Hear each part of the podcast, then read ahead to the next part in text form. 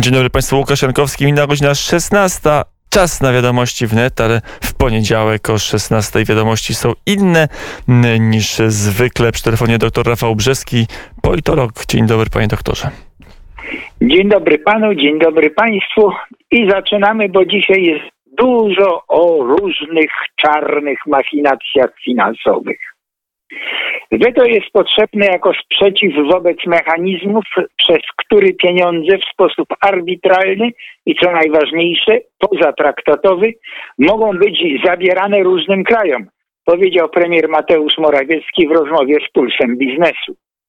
Szef rządu dał do zrozumienia, że Polsce się nie spieszy, podkreślając, że nawet jeśli na zbliżającym się szczycie nie dojdzie do kompromisu, to przez rok budżetowy będziemy korzystać z prowizorium i walczyć o nowe, jak najlepsze warunki.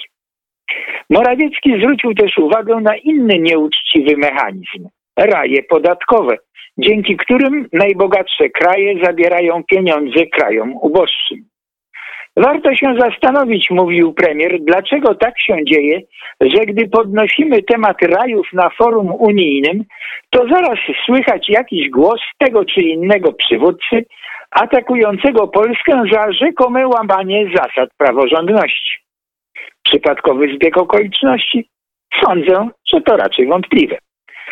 Niechętni polskiemu rządowi politycy i urzędnicy Komisji Europejskiej mają sojuszników w przekrętnikach wszelkiej maści, w tuzach narkobiznesu i zwykłych kryminalistach.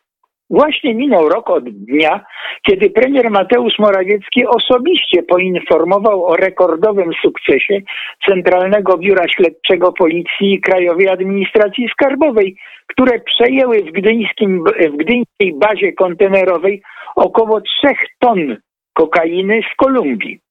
Wartość rekordowego transportu w mrożonej pulpie ananasowej oszacowano na około 3 miliardy złotych. 3 miliardy to rekord, ale niemal codziennie rano, proszę zresztą sprawdzić, w serwisach informacyjnych pojawiały się przez miniony rok i pojawiają nadal komunikaty o likwidacji przestępczych gangów. Od wielkich po małe, od kilka przykładów z ostatnich tygodni. 6 listopada blisko 19 milionów złotych stracił gang produkujący podrabiane papierosy. Na tyle oszacowano wartość skonfiskowanych maszyn, 18 ton tytoniu oraz prawie 5 milionów gotowych papierosów. 20 listopada. W okolicach Łaska zlikwidowano manufakturę tytoniową, a w niej prawie milion papierosów oraz krajankę i różne półprodukty. Gdyby towar znajdujący się w fabryce tracił na rynek, skarb państwa straciłby ponad 2 miliony złotych. To są płotki, ale jednak i 20 listopada ktoś grubszy wpadł, jakaś grubsza ryba. Boss narkotykowego gangu, który ukrywał blisko półtora miliarda złotych w obcych walutach zdeponowanych w banku spółdzielczym w Skierniewicach. Fortunę zabezpieczono i podlega ona obligatoryjnemu przepadkowi na rzecz Skarbu Państwa. Jeśli rząd coś konfiskuje, wszystko jedno, czy kilka worków krajanki tytoniowej, czy półtora miliarda w gotówce, to ktoś traci i nie jest z takiego rządu zadowolony. Nie tylko on. Również jego partnerzy oraz inwestorzy, którzy wyłożyli na przegrane przedsięwzięcie. A od choćby dzisiejsza wiadomość Polskiej Agencji Prasowej, że zespół prokuratorów w prokuraturze regionalnej w Poznaniu zajmie się śledztwem w sprawie wyprowadzenia prawie 93 milionów złotych z giełdowej spółki Polnord. Prokuratorską drużynę złożoną z najlepszych ekspertów w kraju powołano, ponieważ e, podczas rewizji u podejrzanych znaleziono nowe dowody. Nie dziwmy się więc nieustannym atakom na rząd Mateusza Morawieckiego. Kiedy w grę wchodzą grube pieniądze, to jest za co robić zadymy, zamieszki i rewolucje. Ideologiczna nadbudowa nie gra roli. Może być praworządność, może być aborcja na żądanie, albo katusze wigilijnego karcia.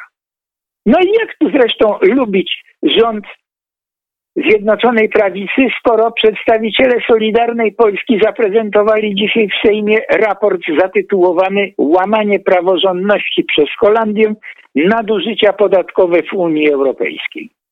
Raport ujawnia, że prawodawstwo holenderskie umożliwia czerpanie korzyści z udziału w jednolitym rynku i transferowanie zysków poza Unię Europejską, w tym do rajów podatkowych. O proszę bardzo. Komentując e, dokument, wiceminister aktywów państwowych Janusz Kowalski stwierdził, że ustalenia autorów raportu uprawniają do postawienia bardzo ważnego pytania o uruchomienie procedury z artykułu 7 Traktatu o Unii Europejskiej z powodu naruszenia praworządności przez Holandię w zakresie łamania reguł rynku wewnętrznego, braku lojalnej współpracy z innymi państwami oraz naruszania interesów finansowych Unii Europejskiej w wymiarze dziesiątek miliardów euro.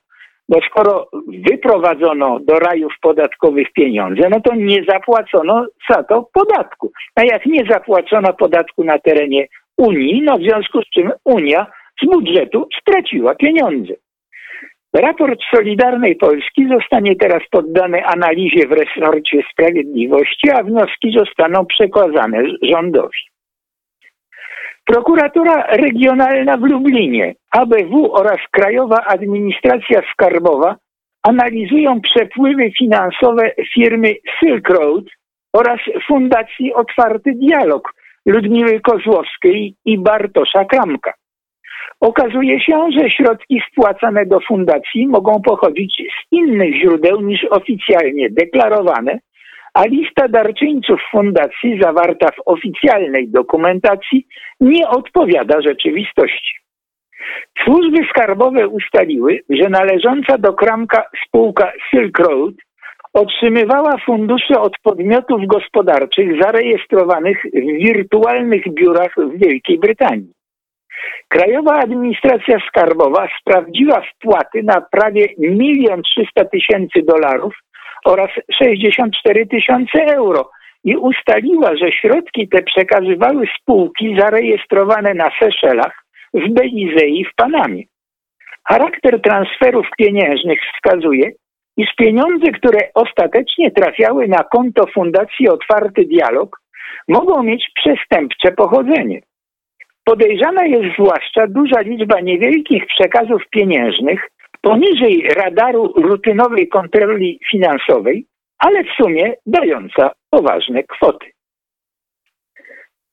Negocjator Komisji Europejskiej z Wielką Brytanią, Michel Barnier, zrelacjonował dzisiaj stan negocjacji ambasadorom państw członkowskich Unii. W jego ocenie nastąpił wprawdzie nieznaczny postęp, ale w kluczowych kwestiach obie strony tkwią w swoich okopach. Nierozwiązane są innymi tak istotne sprawy jak dostęp unijnych rybaków do brytyjskich łowic, łowisk, na czym zależy Francji, która grozi wetem, jeśli nie, jej żądania nie zostaną zaspokojone. Stosowanie europejskich norm środowiskowych, prawa pracy oraz zasad pomocy publicznej, bez czego, według Brukseli, brytyjskie firmy będą miały przewagę konkurencyjną nad unijnymi i oraz rozwiązywanie sporów i przyszła rola Unijnego Trybunału Sprawiedliwości. Pamiętajmy, że dominacja prawodawstwa unijnego nad lokalnym była główną przyczyną głosowania Brytyjczyków za Brexitem. Jeżeli Bruksela i Londyn nie porozumieją się w najbliższych dniach, to 31 grudnia o północy będziemy mieli twardy Brexit z trudnymi do przewidzenia konsekwencjami. W pogoni za dominacją i władzą Pekin nie ma żadnych hamulców etycznych, ostrzega John Radcliffe, krajowy dyrektor wywiadu Stanów Zjednoczonych. W artykule opublikowanym w Wall Street Journal jeden z najlepiej poinformowanych ludzi w Stanach Zjednoczonych zwrócił uwagę, że w armii chińskiej prowadzone są badania, eksperymenty i testy, które mają stworzyć szturmowe grupy żołnierzy biologicznie modyfikowanych. Celem tego programu jest niejako wyhodowanie żołnierzy o wyjątkowych możliwościach fizycznych i psychicznych. Oceniając, że Chiny planują zdominować resztę świata gospodarczo, militarnie i technologicznie, Radcliffe ostrzega naiwnych, że wiele chińskich inicjatyw społecznych prowadzonych przez różne znane firmy lub organizacje to tylko kolejne warstwy kamuflażu, pod którymi kryje się program podboju świata opracowany przez Komunistyczną Partię Chin. Trzeci rok z rzędu koncerny Coca-Cola, Pepsi-Cola i Nestle uznane zostały za największych producentów śmieci na świecie. Plastikowe opakowania ich produktów były odpadami najczęściej zbieranymi w parkach, na plażach i nad rzekami w 51 z 55 krajów, w których organizacja Uwolnij się od plastiku przeprowadziła swój doroczny audyt. Zdaniem organizacji Trójka Gigantów wykazała zero postępu w ograniczaniu produkcji śmieci. Wręcz odwrotnie. W poprzednim audycie opakowania Coca-Coli, Pepsi-Coli i Nestle przodowały na śmietnikach tylko w 37 na 55 krajów. I na zakończenie wiadomość ze świata kultury, a raczej zabytków i to bardzo cennych. Przed amerykańskim Sądem Najwyższym rozpoczyna się dzisiaj proces o skarb Welfenschatz, bezcenną kolekcję 42 relikwiarzy, krucyfiksów oraz innych bogato inkrustowanych średniowiecznych dzieł sztuki z okresu od XI do XV wieku. Właścicielem kolekcji byli przez stulecia książęta Brunszwiku, ale przyciśnięci drożyzną po I wojnie światowej sprzedali w 1929 roku skarb za 7,5 miliona Reichsmarek spółce czterech żydowskich handlarzy dzieł sztuki z Frankfurtu. Tych dopadł niebawem wielki kryzys i chcieli spieniężyć kolekcję, ale nie znaleźli nabywców. W 1935 roku posiadacze skarbu dostali propozycję nie do odrzucenia od ówczesnego premiera państwa pruskiego wchodzącego w skład III Rzeszy. Był nim Hermann Göring, wielki łupiesca dzieł sztuki, który zaproponował za skarb nieco ponad jedną czwartą jego wartości lub potraktowanie właścicieli z całą surowością niemieckiego prawa rasowego. Po krótkich negocjacjach targu dobito, a Dering podarował bezcenny skarb Hitlerowi. Po wojnie średniowieczna kolekcja trafiła do Fundacji Pruskiej Spuścizny Kulturalnej i od 1963 roku wystawiana jest w berlińskim Muzeum Sztuki. Obecnie mieszkający w Stanach Zjednoczonych potomkowie marszandów z Frankfurtu domagają się zwrotu skarbu, argumentując, że został sprzedany pod przymusem w czasie uznawanym za okres Holokaustu, czyli w latach 1933-1945 ubiegłego wieku. Natomiast według ekspertów rządu w Berlinie transakcja była rzetelna, prawidłowa i bez jakichkolwiek nacisków, a cena była poprawna. Szef pruskiej fundacji Hermann Partinger zakwestionował przy tym właściwość sądu, bowiem jak stwierdził, była to transakcja sprzedaży niemieckich dzieł sztuki zawarta między niemieckimi stronami a niemieckim państwem na niemieckim terytorium i amerykański Sąd Najwyższy nie ma w tej sprawie jurysdykcji. Obserwatorzy zwracają uwagę, że rozpoczynający się proces to bezpośrednia konfrontacja tak zwanego przemysłu Holokaust z rządem w Berlinie. I to już wszystkie informacje, przepraszam, że tak długo, ale to bardzo ważne rzeczy finansowe. Po południu wnet y, czeka cierpliwie dr Rafał Brzeski, politolog, ekspert do spraw bezpieczeństwa i terroryzmu. Chociażby dzień dobry, panie doktorze, ponownie. Dzień, Dzień dobry, kłaniam się ponownie. Nie wiem, czy ktoś jeszcze pamięta. Przegląd wiadomości ja pamiętam i zacznę od końca, czyli od informacji o sporze o dzieła sztuki między e, rządem niemieckim a e, z osobami, które podają się, czy, czy są spadkobiercami obywateli Niemiec e, pochodzenia żydowskiego, którzy zostali zmuszeni do sprzedaży dzieł sztuki. To jest pierwszy taki przypadek, kiedy rząd w Berlinie, czy administracja niemiecka mówi, no nie, to jest nasze i nie będziemy tego w ramach mm, restytucji dóbr po Holokauście oddawać? Ja nie wiem, czy to jest pierwszy, ale jest na pewno rzadki, bo dotychczas to przecież takie dwa e, do, na, u nas w Polsce najczęściej e, omawiane przykłady. To jest jedno rozpracowanie, nazwijmy to, e, przepływów finansowych, a przede wszystkim również przede wszystkim złota między trzecią Rzeszą a e, Szwajcarią oraz pomocą Szwajcar banków szwajcarskich e, w, no, generalnie praniu pieniędzy, które, które ociekających krwią. Bo jeżeli to jest złoto, które w pruskiej mennicy zostało przetopione e, na sztaby złota, a te sztaby otrzymały przedwojenne numery sfałszowane, a, są, a złoto to pochodziło na przykład z koron na zębach zerwanych ludziom lub z y, obrączek od, odciętych palcom ofiar, ofiarom y, z komór gazowych, no to jak nazwi, nazwać to inaczej jak pieniądze i złoto, które ociekało krwią. I to Niemcy sprzedawali Szwajcarom, a Szwajcarzy twierdzili, że nic nie wiedzą, a potem Petunia no, no, no, czy przypomniał mi się wykładowca ze studium wojskowego, który twierdził, że petunia, nie pekunia, no, no, olec, tylko petunia, nie omlet. Tłumaczył nam. Przepraszam. Ale pieniądze takie trafiały do Szwajcarii. Później mnóstwo operacji na, to, na ten temat, są grube książki i tomy całe dokumentów. I mimo oporu Szwajcarów te pieniądze zostały przynajmniej w części odzyskane i to była pierwsza du duża operacja e, tej restytucji majątku Holokaustu. Druga, no to mamy 447, która jest znana u nas i jest próba tego zrobienia nieruchomości w Polsce. Przy czym no to, to już jest na, osobno, na osobną długą rozmowę.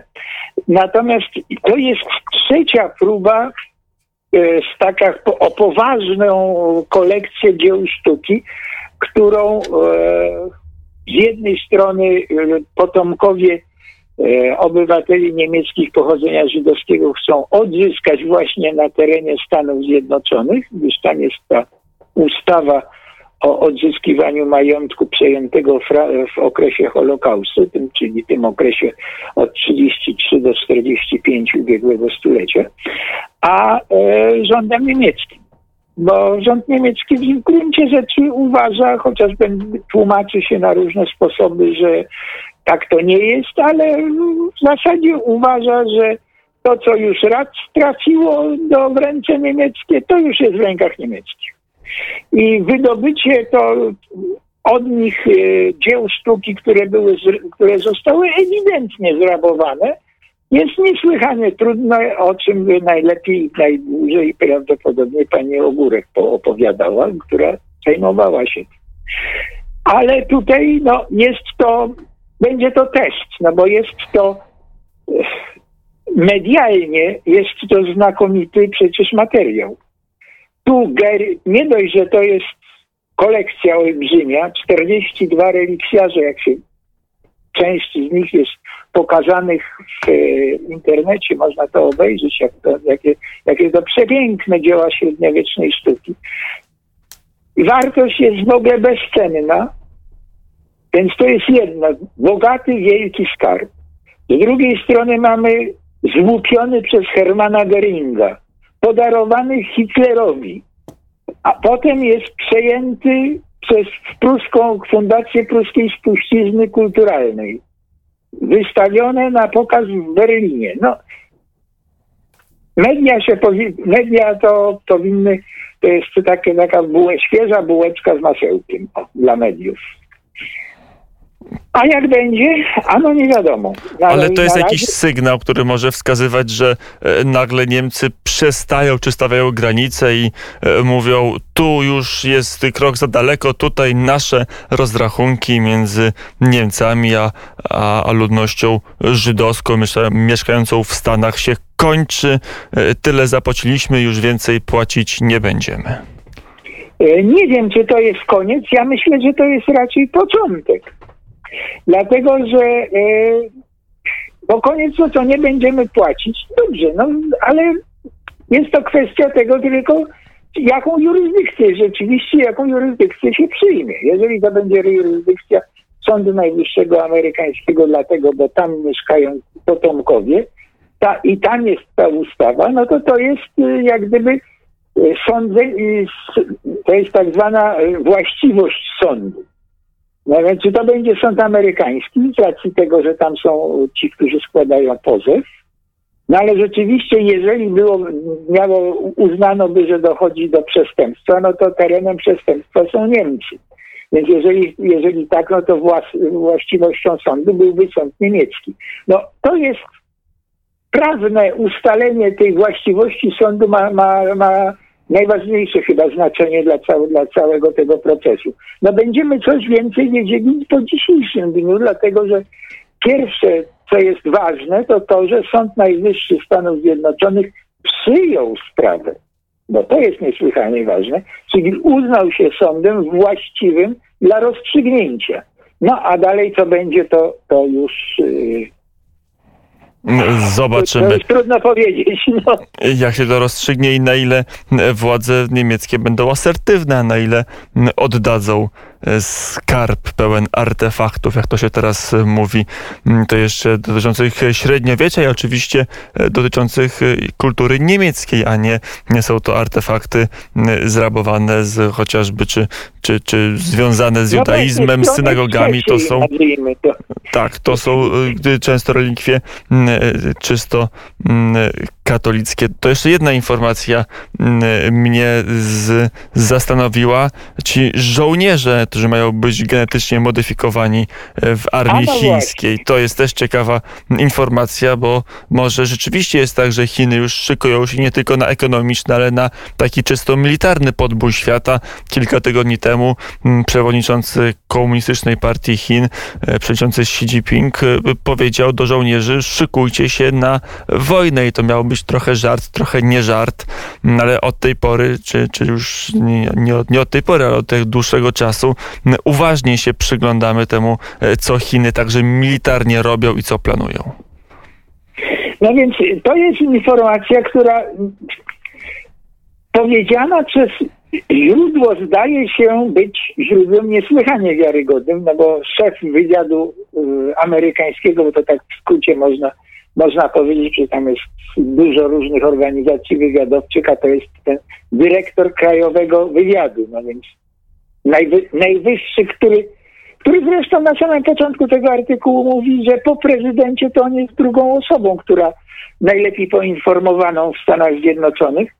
I to właśnie on mówi, ostrzega, ale on ostrzegł, no tak, no że są, koniec, ale nie wdawał się w szczegóły. Zresztą bardzo, bardzo być może rozsądnie, dlatego, bo nie zdradzić źródła informacji, ale sama myśl, że e, może być armia złożona na przykład z robokopów. Tak? No mamy taki, taki film znakomity. Robokop był przecież, gdzie był też człowiek, gdzie był tylko mózg został z niego, a poza tym była, cała reszta była zbudowana mechaniczno-elektroniczna, więc tutaj, tutaj mają być to przebadani i biologicznie zmodyfikowani ludzie, no ale przecież to jest straszliwe. No. Jak się tak pomyśli, że jak daleko sięga w tej chwili nie to, że wyobraźnia, może chora wyobraźnia wręcz ludzi, którzy mają e, możliwości, otrzymali środki zrealizowania tych swoich wykwitów swojej chorej wyobraźni, no, żeby, żeby zbudować armię, może co armia klonów, tak? Chyba tak się nazywało to w Gwiezdnych Wojnach. No szykujemy się, Gwiezdne Wojny już proszę Państwa są, no. To już jesteśmy elementem, toczą się wokół nas. No. To my tylko jak gdyby nie dorastamy do, do, do, do, do tej rzeczywistości, która już, już poszła, pogalopowała do przodu i, i mamy Gwiezdne Wojny, tylko my jeszcze rozpatrujemy i myślimy w kategoriach ostatnich wojen i, i w kategoriach etyki ostatnich wojen, a nie w kategoriach etyki tej wojny, która ewentualnie będzie, w każdym razie przyszłej. Ale to też jest niepokojące, bo w Chinach nie ma żadnych zapisów, które by normowały, co naukowcom wolno, co jest w nauce etyczne, co jest nieetyczne. Stąd klonowanie, przeszczepianie, zmiany genetyczne, to wszystko w Chinach jest dopuszczalne i z tego co wiemy jest stosowane. Tak, no to jest w ogóle to jest kraj, który jak gdyby tak jak się popatrzy w tej chwili, to, to w tym e, pan Radcliffe ma absolutnie rację, że oni chcą dominacji, nie to tam jeden kraj, dwa kraje, trzy kraje, opanujemy Syberię, nie, zabierzemy jeszcze na dodatek Japonię, a może jeszcze Koreę. Nie. Oni sobie stawiają za cel dominację nad światem. Koniec dyskusji. To jest tak samo jak powiedziano, że na Marsie i kolonizacja Marsa będzie pierwsza przez, dokonana przez Chiny i w setną rocznicę powstania e, tej setną rocznicę powstania e, Chin Ludowych ma być zatknięta na Marsie flaga chińska. Kilka dni temu zatknięto na Księżycu flagę chińską, prawda? W związku z czym to program jest żelazną dyscypliną i konsekwencją realizowany. No jeżeli do tego Chińczycy do, dołożą e, dominację i panowanie nad światem, no to to naprawdę nie wygląda to pięknie, nasza perspektywa. Ale dzisiaj najba najbardziej pocieszającą informacją, która dzięki panu zresztą wprowadziła mnie w doskonały nastrój, to jest przejęcie E, Polska Press przez e, ten, przez Orlen. I to jest no informacja, jest która wreszcie, już jest. Wreszcie odzyskiwanie gruntu i wreszcie odzyskiwanie polskiego panowania, używając tego języka sprzed kilku minut, polskiego panowania nad polskimi mózgami za czym, jak to będzie realizowane i jakie te gazety będą. No, Daniel Obajtek mówi e, językiem czysto finansowym, czyli prezes Orlenu nie ma tam nic o dziennikarzach w komunikacie PKN Orlen jest Ale tylko ekonomiczny żargon. Zobaczymy, co on oznacza w praktyce. To będzie ta jedna rzecz i będziemy, panie doktorze, kończyć. Tak, to jest ta jedna rzecz. Po, powinien w tej chwili dziennikarze, ci dziennikarze z patriotycznej, nazwijmy to strony, powinni pomyśleć o stworzeniu agencji prasowej, która by produkowała materiały dla tych wszystkich e, e, gazet, które z tego, które zostały przejęte. Po prostu na zasadzie e, syndykatu. Dziennikarskiego syndykatu i syndykatu, to jest to, co amerykańskie jest syndicated, ten sam materiał w różnych stronach Polski, w różnych lokalnych gazetach, ale on musi być bardzo wartościowy i świetnie sprawdzony. I to no. wtedy cała operacja się powiedzie. Powiedział dr Rafał Brzeski. Jest godzina 16.37, panie doktorze. Co, tu stawiamy kropkę. Słyszymy się za tydzień o 16.00.